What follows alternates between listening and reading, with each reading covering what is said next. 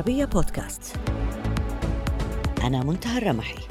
أقدم لكم حلقة جديدة من البعد الآخر. أهلا بكم. في مايو 2022 أكملت إسرائيل أهم وأشمل مناورات حربية في تاريخها باسم عربات النار. ضيفنا اليوم يقول إنه التقى مسؤولي المخابرات والأمن الإسرائيليين بمناسبة تلك المناورات وأنهم أبلغوه صراحة أنهم يخططون لوقف خطط إيران للسيطرة على الشرق الأوسط بأسلحة نووية مؤكدين أنهم على وعي بأن ذلك سيطلق العنان ل 150 ألف صاروخ من حزب الله في لبنان وترسانه صواريخ حماس في غزة وهجمات من أحدث القواعد الإيرانية في سوريا والعراق. ويضيف ضيفنا أن قادة إيران يدركون تماما أن إسرائيل ستشعر بأنها مضطرة للعمل عندما يتجاوز برنامج أسلحتهم النووية بعض الخطوط لا سيما مع إعلان الوكالة الدولية للطاقة الذرية. أن طهران استبقت رحلة الرئيس بايدن إلى إسرائيل والسعودية بزيادة تخصيب اليورانيوم. سواء بقي رئيس الوزراء الإسرائيلي المؤقت يائير لبيد في السلطة أو عاد بنيامين نتنياهو إلى القيادة السياسية بعد الانتخابات الإسرائيلية في نوفمبر ستلتزم القيادة الإسرائيلية بالتصرف عسكريا لمنع إيران من امتلاك قنبلة ذرية. هذا ما يقوله يزعم المنتقدون أن ضربة إسرائيلية كبيرة ستبطئ برنامج إيران لمدة ثلاث إلى خمس سنوات فقط. ولكن ضيفنا يقول إنه بناء على اجتماعاته مع صناع السياسة فإن الردع الذي يمكن أن يوفره هذا الإطار الزمني يستحق المخاطرة من قبل إسرائيل. علاوة على ذلك فإن الافتراض بأن البرنامج النووي الإيراني سوف يستأنف على الفور لا أساس له من الصحة.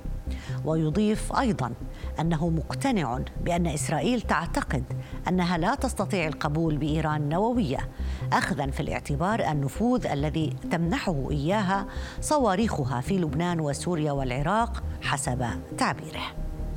اسمحوا لي أن أرحب بإيريك ماندل مدير شبكة المعلومات السياسية في الشرق الأوسط. أهلا بك معنا سيد إيريك ودعنا ندخل مباشرة في صلب الموضوع. قرأنا تقريركم وأشرنا إليه في المقدمة هل هذا التقرير حول هجوم إسرائيلي على إيران تقرير جدي؟ So let's just take a step back here. I think what دعونا نعود خطوة إلى الوراء هنا. أعتقد أنه ما يتعين علينا أن نفهمه هو أن المشهد السياسي الإسرائيلي كله موحد الرغبة في عدم حصول إيران على سلاح نووي. الهوة بين الموقف الإسرائيلي والموقف الأمريكي واسعة جدا.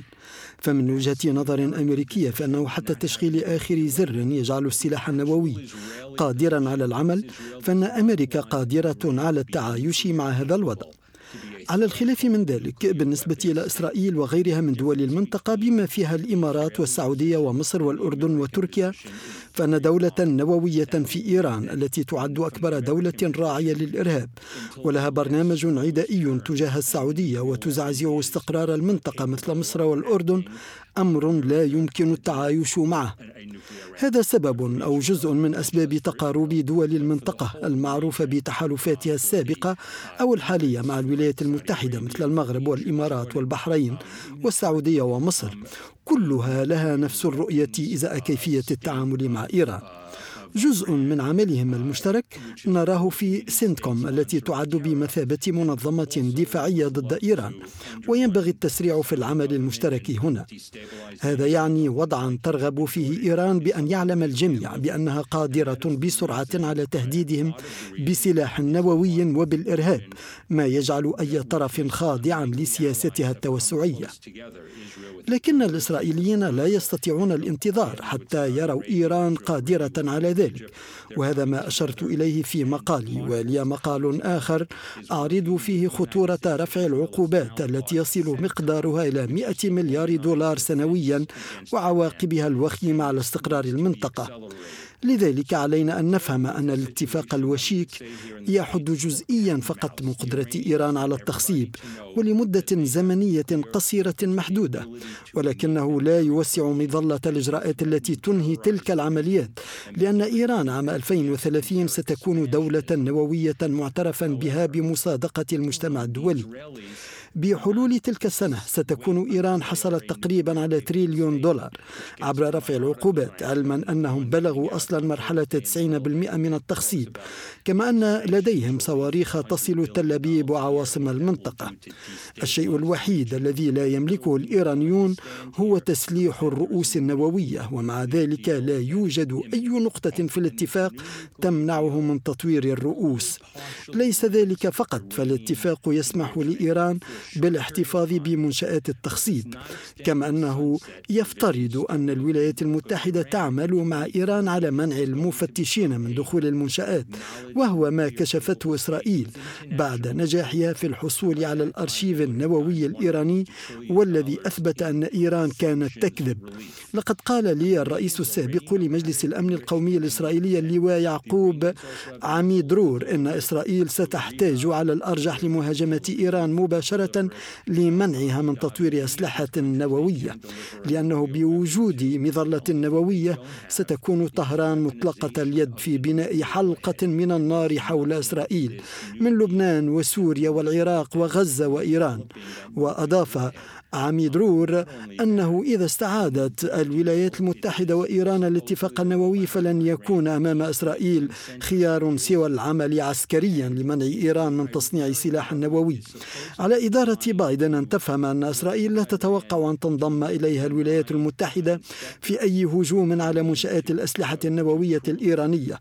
إنها تريد فقط لا تقف واشنطن في طريقها عندما تجد ضرورة لضربها.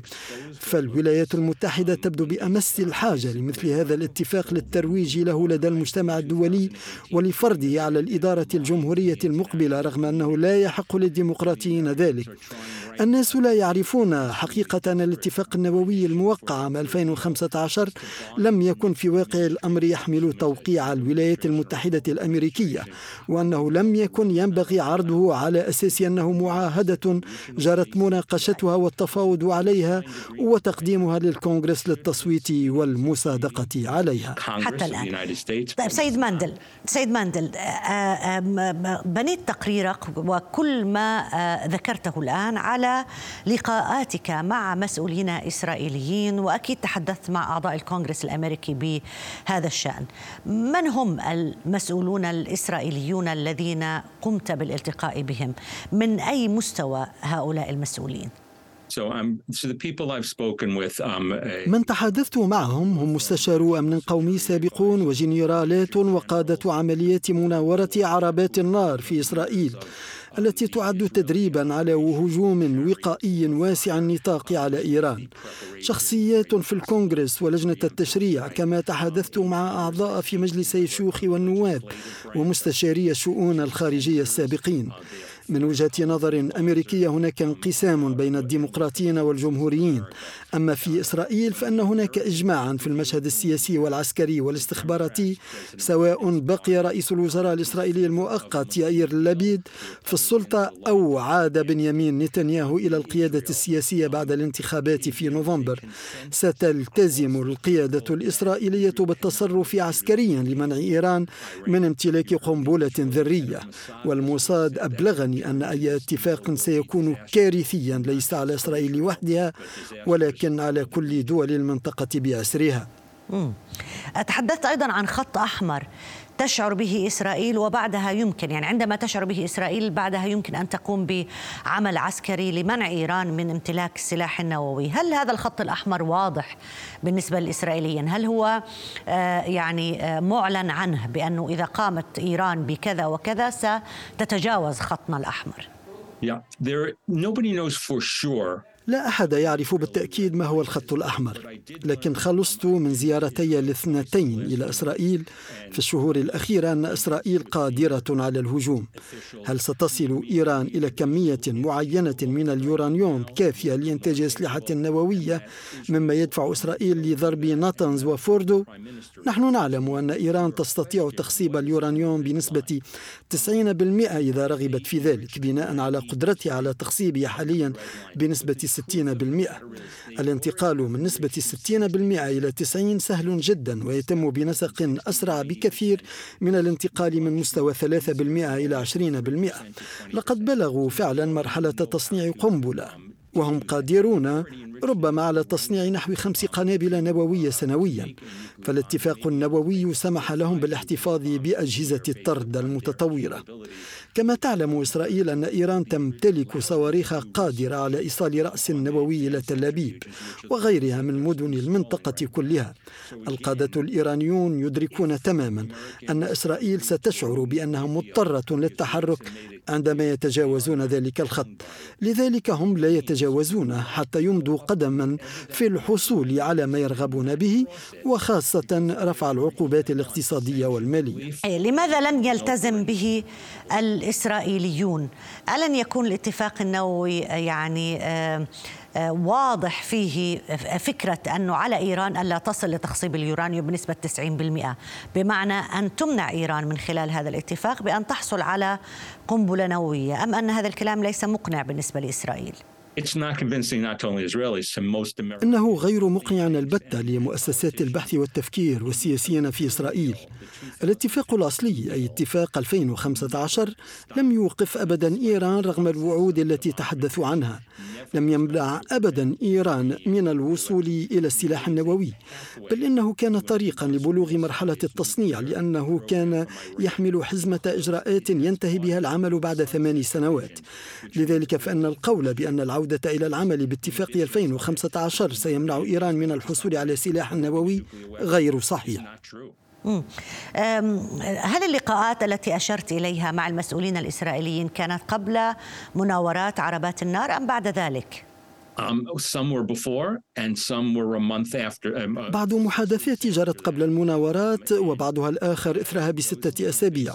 وكلها تؤكد أن الإسرائيليين يخططون لوقف خطط إيران للسيطرة على الشرق الأوسط بالأسلحة النووية.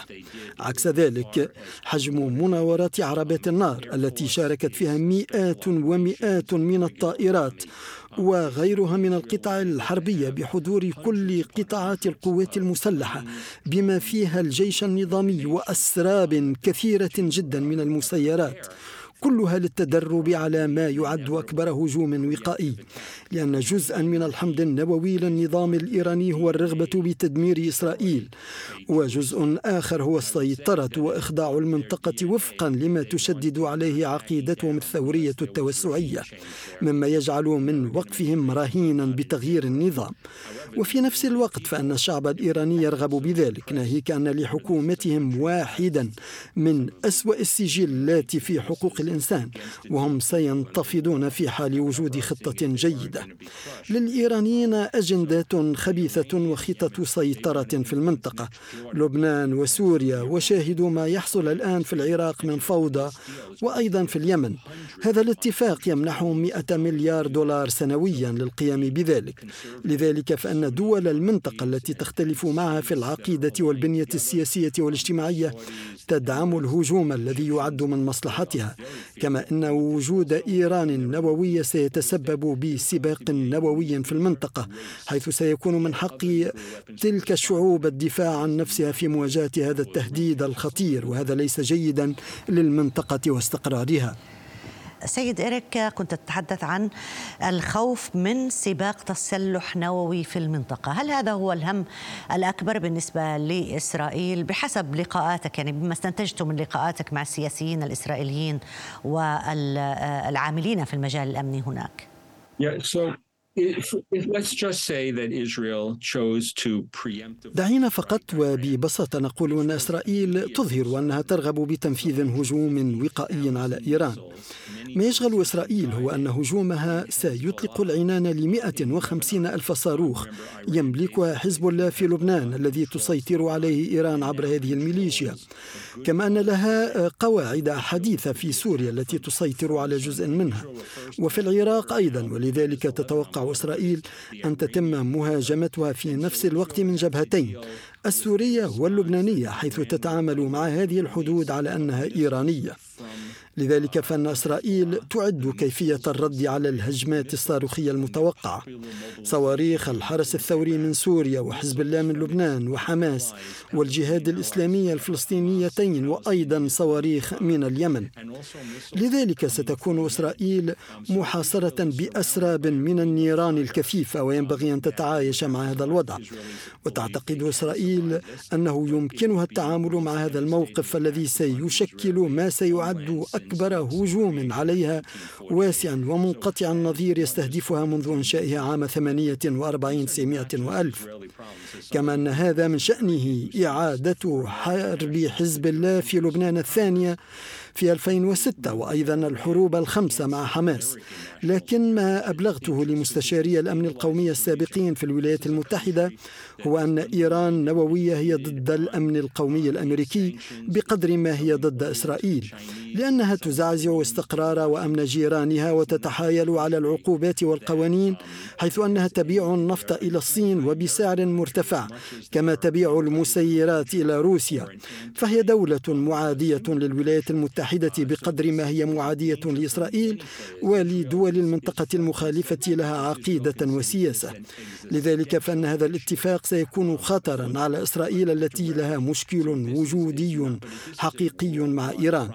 وإحدى النقاط التي فشل في هذا الاتفاق هو أنه محدود بالزمن ولا يعالج إلا عمليات التخصيب ولا يعالج الصواريخ ولا الضلوع في الإرهاب ولا ملف حقوق الإنسان ولا زعزعة الأمن والاستقرار في الشرق الأوسط وغيرها من المناطق. والمصادقة على هذا الاتفاق دون معالجة هذه المشكلات يجعل منه ليس فقط تعديم الجدوى والمعنى بل خطيرا ليس فقط على المصالح الإسرائيلية بل أيضا على المصالح الأمريكية ومصالح المنطقة كلها.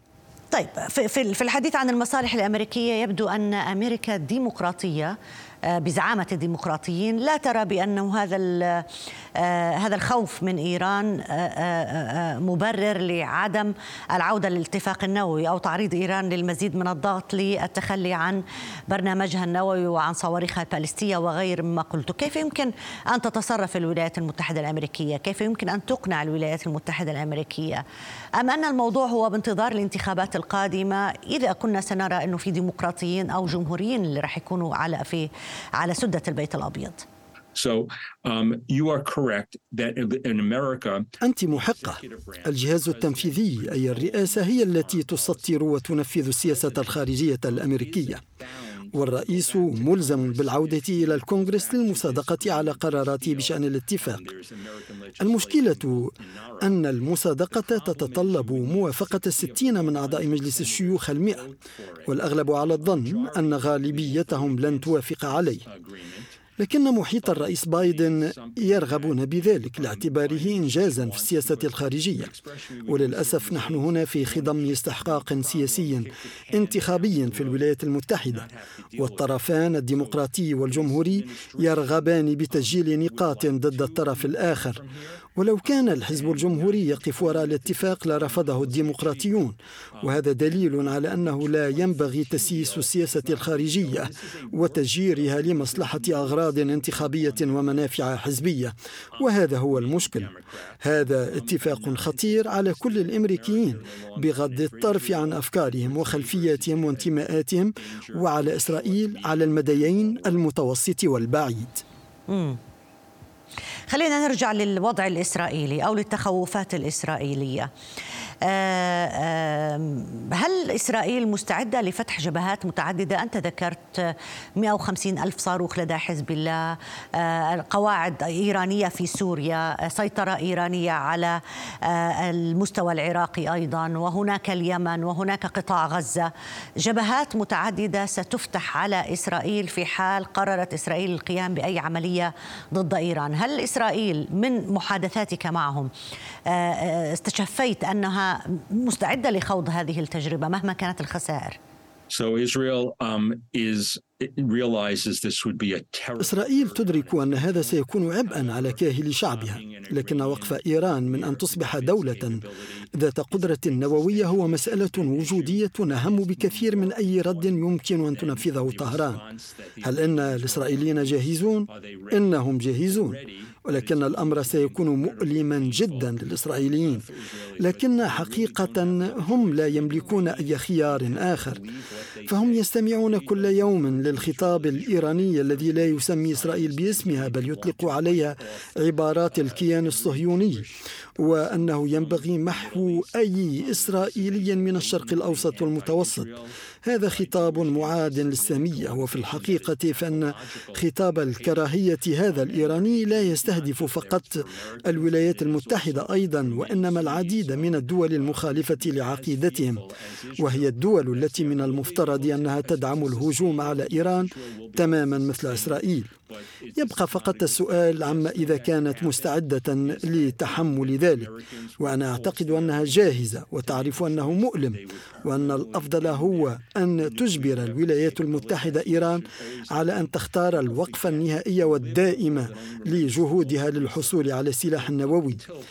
الناس ينسون أنه حتى حدود فترة إدارة الرئيس الأسبق باراك أوباما واتفاقه مع إيران عام 2015 كانت القدرة على التخصيب محصورة بالقوى الكبرى.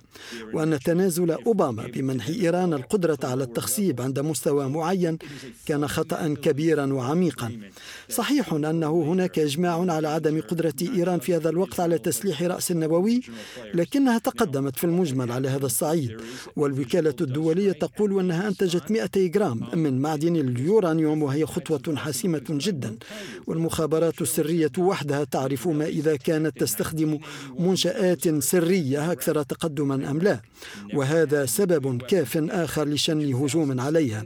لذلك دعيني أذكر بما فعله الإسرائيليون عام 81 سمعة وألف عندما هاجموا مفاعل تموز في العراق وعام 2007 دمروا المفاعل السوري وفي كلتا الحالتين لم يتم الرد على الهجومين. لذلك يمكن لإسرائيل أن تنفذ هجومها على إيران من دون الخشية من رد فعلها إذا بدا لها أنها تجاوزت الخط الأحمر المسموح به إسرائيليا. واضح. لكن لكن إسرائيل هي الصوت العالي الذي يتحدث عن أنها قد تقوم بعملية عسكرية وأنها لن تتبع الاتفاق النووي. لا تعترف بالاتفاق النووي لو أعيد إحياؤه وأنها قد تقوم بعملية عسكرية ضد إيران. إسرائيل حاولت في كثير من المرات على مر السنوات الماضية بهجمات إلكترونية عمليات نفذتها على المفاعلات النووية في عمليات الاغتيالات داخل إيران، هل اكتشفت إسرائيل أن هذا غير كافي؟ يعني لم آه، يوقف إيران عن التقدم ابدا ولا بد من عمل عسكري. So You are correct. Allegedly, um. نعم أنت محقة يزعم أن إسرائيل بمساعدة الولايات المتحدة نفذت هجوما إلكترونيا مثيرا على إيران عام 2010 كما يعتقد أن أشخاصا معادين لإيران ومعارضين نفذوا سلسلة اغتيالات هناك وهجمات سبرانية وعمليات تخريب. لكن مع ذلك من الواضح أن إيران ما زالت ماضية لوحدها نحو امتلاك سلاح نووي. ما يطرح السؤال حول ما إذا من الضروري والواجب شن هجوم ومنسق واسع النطاق لوقف مسيرتها تلك والجواب الحكيم هو نعم. وحتى الساعة تبدو إسرائيل الطرف الوحيد المقتنع تماما والمستعد. والطرف الوحيد الذي له القدرة على وقف كل هذا هو الولايات المتحدة.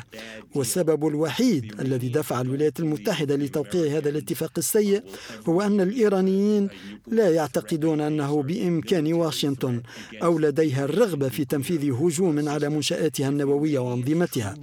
فإذا حصلت القناعة لدى الإيرانيين أن الأمريكيين سيهاجمونهم في حال تجاوز حد ما فإنهم سيتراجعون من أجل النجاة. الإيرانيون يعرفون أن الأمريكيين يلهثون وراء الاتفاق وأنه ليس لديهم رصيد يساومون به بل وحتى قد يخسرونه ويجعلهم يستخدمون أقوى ما لديهم من إمكانيات بما يضعه في الميزان. لكن خيارات إسرائيل محدودة جدا فيما يتعلق بما يتعين فعله من خلال هجوم عسكري على خلاف الولايات المتحدة. شكرا جزيلا لك سيد إريك ماندل مدير شبكة المعلومات السياسية في الشرق الأوسط. ألف شكر لك على المشاركة معنا.